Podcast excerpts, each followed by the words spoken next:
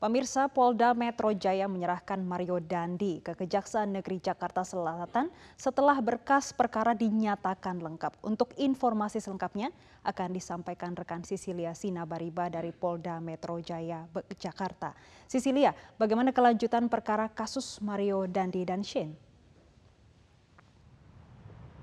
Iya Jessica, tentunya setelah pihak kejaksaan menyatakan bahwa berkas yang dilimpahkan oleh pihak penyidik dari Polda Metro Jaya ini sudah lengkap atau P21, dua tersangka pelaku penganiayaan berat terhadap David Ozora, yakni Mario Dandi dan juga Shane Lucas, sudah diserahkan ke pihak kejaksaan dan sudah dibawa ke Kejaksaan Negeri Jakarta Selatan dan keduanya saat ini sudah berada juga di Kejari. Tentu selanjutnya akan dilakukan proses persidangan, nanti akan diawali dengan proses pembacaan dakwaan oleh jaksa penuntut umum ada tujuh jaksa yang sudah disiapkan nanti untuk ikut uh, mengadili dan juga membacakan dakwaan sekaligus nanti tuntutan tentunya terhadap dua tersangka ini.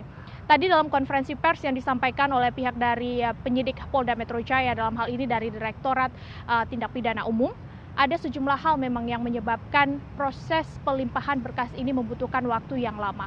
Karena kalau kita melihat Mario Dendi ini ditahan sudah 94 hari, sementara Sean Lucas 92 hari.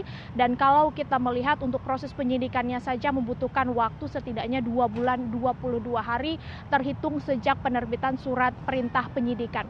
Sehingga pihak kepolisian tadi mengungkapkan bahwa salah satu hal yang menyebabkan proses ini berjalan dengan lama karena pihak kepolisian harus bekerja dengan ekstra untuk memastikan bahwa konstruksi hukum yang terdapat pada pasal yang didakwakan kepada dua tersangka ini benar-benar terpenuhi sekaligus untuk memenuhi seluruh uh, materi formil yang terdapat di dalam pasal-pasal ini sesuai dengan permintaan dari pihak kejaksaan. Sehingga ketika sudah dilimpahkan kemarin pada tanggal 10 Mei 2023 sebenarnya sudah dilimpahkan oleh pihak penyidik.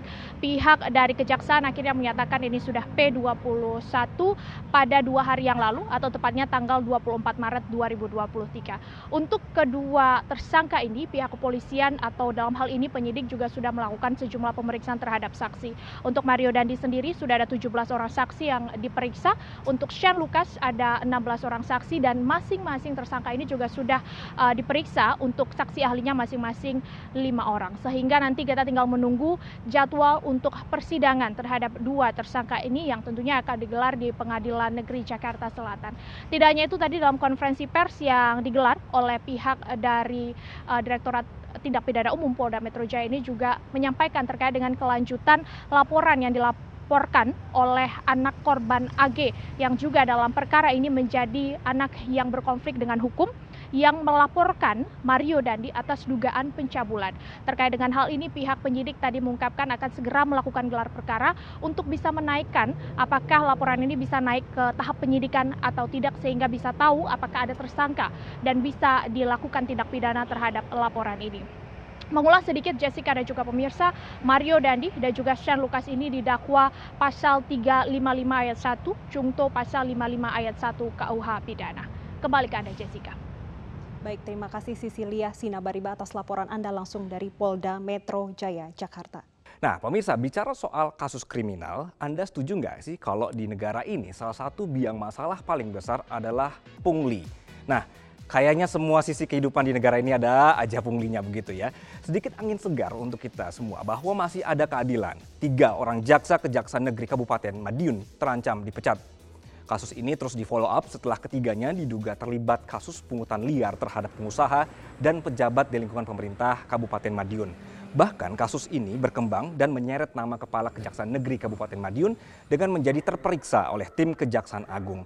Atas desakan masyarakat, tim Kejaksaan Agung turun melakukan pemeriksaan terhadap sejumlah pejabat Pemkap Madiun dan pengusaha yang diduga pernah menjadi korban pungli oleh oknum klub Adiaksa. Tiga oknum jaksa yang diduga terlibat adalah pertama itu kasih barang bukti dan barang rampasan berinisial AB, lalu ada Kasih Perdata dan Tata Usaha Negara berinisial MA, dan seorang Kasupsi di Kejaksaan Negeri Kabupaten Madiun berinisial SU. Kepala Kejaksaan Negeri Kabupaten Madiun, Andi Irfan Syafrudin mengakui tiga orang stafnya telah ditarik oleh Kejaksaan Tinggi Jawa Timur dan sedang menjalani proses hukum internal. Bahkan dirinya mengaku juga menjadi salah satu terperiksa atas kasus pungutan liar tersebut. Para ARMY merapat, siapa yang sudah nggak sabar menonton konser juga nanti. Iya, konser salah satu member BTS ini akan digelar selama tiga hari ini Gema bukan satu hari di Indonesia dan akan dimulai Jumat ini. Dan berikut kita akan hadirkan informasinya dari reporter kami Rona Marina dan juru kamera Augustin Lawrence dari ASBSD Tangerang. Dan informasi ini juga sekaligus mengakhiri kebersamaan kita di Newsline kali ini. Mewakili rekan-rekan yang bertugas saya Jason Sambo. Dan saya Gemma Tanjung, terima kasih atas perhatian Anda. Sampai jumpa. Sampai jumpa. Suga dari boy group asal Korea Selatan BTS akan melangsungkan konser solo perdananya di Indonesia tempatnya di AISBSD Tangerang. Konser ini akan berlangsung selama tiga hari ke depan yang dimulai daripada dari tanggal 26 hingga tanggal 28 Mei 2023. Konser ini termasuk konser terbesar Suga karena akan berlangsung selama tiga hari ke depan dan nama Suga serta nama BTS ini sudah dikenal oleh para ARMY tidak hanya di Korea Selatan saja namun di kancah internasional. Tampak di belakang kami saat ini sudah banyak ARMY yang menunggu untuk menonton dan juga menukarkan tiket nantinya yang akan dimulai konsernya pada pukul 19.00 waktu Indonesia Barat. Namun antusiasme ARMY ini sudah terasa dari pukul 8 pagi waktu Indonesia Barat tadi. Nah, untuk mengetahui seperti apa suasana sebenarnya para army antusiasnya ini, kita akan tanyai beberapa army. Mari ikuti saya. Nah saat ini saya sudah berada di pintu antrian masuk di mana para ARMY menunggu untuk nantinya bisa bertemu dengan Suga BTS. Untuk mengetahui lebih lengkapnya seperti apa antusiasme sebenarnya para ARMY ini, saya saat ini sudah bersama. Halo Kak, selamat pagi. Halo, pagi Kak. Dengan Kak siapa? Vita. Yang ini? Neicing. Oke, Kak boleh diceritakan ya gimana sih antusiasmenya akhirnya bisa ketemu Suga dan gimana war tiketnya kemarin kok bisa dapet gitu? Oke, uh, war tiket kemarin aku kebetulan member BTS, jadi di tanggal 27 udah war uh, tiket dan kebetulan tuh di hari ulang tahun juga, jadi benar-benar happy banget sih bisa dapet tiketnya juga hari ini gitu. Aduh, ya. Iya, best present ever banget. Kalau kakak gimana? Kalau aku uh, dibantu sama temen karena aku nggak sendiri nggak dapet, tapi untung sepupu dapet, jadi dapat sepupu gitu. Tapi ya seneng banget karena ini perdana banget bisa ikut nonton salah satu member BTS. Nah ini kak aku lihat kalian bawa beberapa ini ya merchandise gitu, terus stiker segala macam. Boleh nggak di diinfokan kepada pemirsa ini tuh sebenarnya maknanya apa gitu? Uh, kalau ini maknanya itu sebenarnya army bomb. Jadi kan kalau K-pop itu kan biasanya mereka punya Pemirsa kemarin Bank Indonesia menahan BI 7 Days Reverse Repo Rate di level 5,75 persen.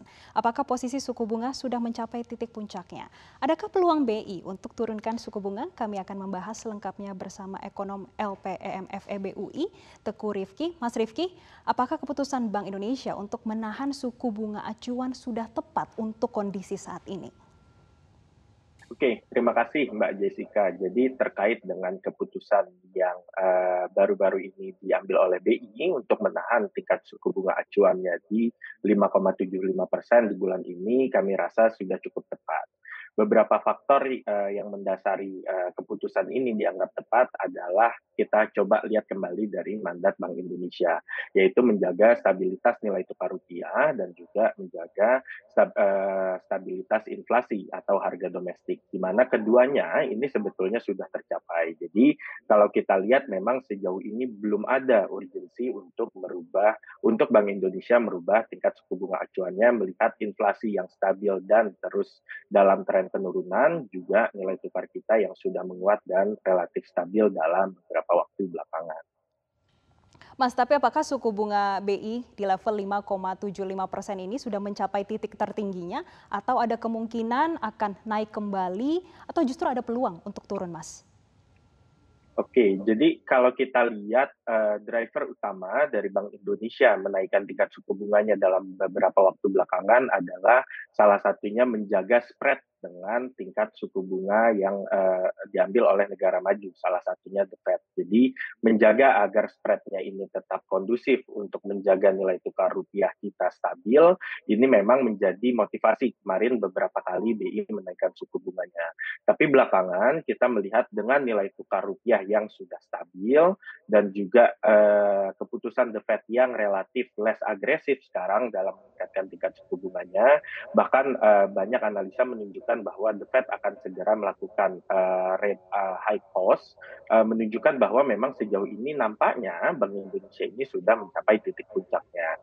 Tapi memang kondisinya ini sangat data driven. Artinya kita perlu lihat lagi di uh, saat RDG bulan depan apakah uh, stand seperti ini tetap uh, terjaga oleh The Fed dan indikator-indikator baik tadi dari inflasi dan nilai tukarnya masih tetap stabil. Apabila iya, kami rasa memang ini sudah mencapai puncaknya dan memang mungkin segera kita akan memasuki tahapan di mana kemungkinan untuk Bank Indonesia justru menurunkan suku bunganya mulai terbuka kembali. Tapi kira-kira untuk tahun ini ada kemungkinankah Mas untuk menurunkan suku bunga acuannya atau justru bisa dikatakan prematur Mas untuk menurunkan suku bunga acuan? Uh, kami rasa kalaupun ada mungkin akan terjadi mendekati akhir tahun. Sejauh ini kita melihat memang 5,75 ini adalah tingkat suku bunga yang ideal hingga akhir tahun. Kenapa? Karena memang tadi selain dari indikator-indikator yang menjadi mandat utama Bank Indonesia seperti nilai tukar dan inflasi, kita melihat memang stance dari investor sejauh ini relatif wait and see. Karena satu dari sisi uh, global atau internasional uncertainty juga masih sangat tinggi.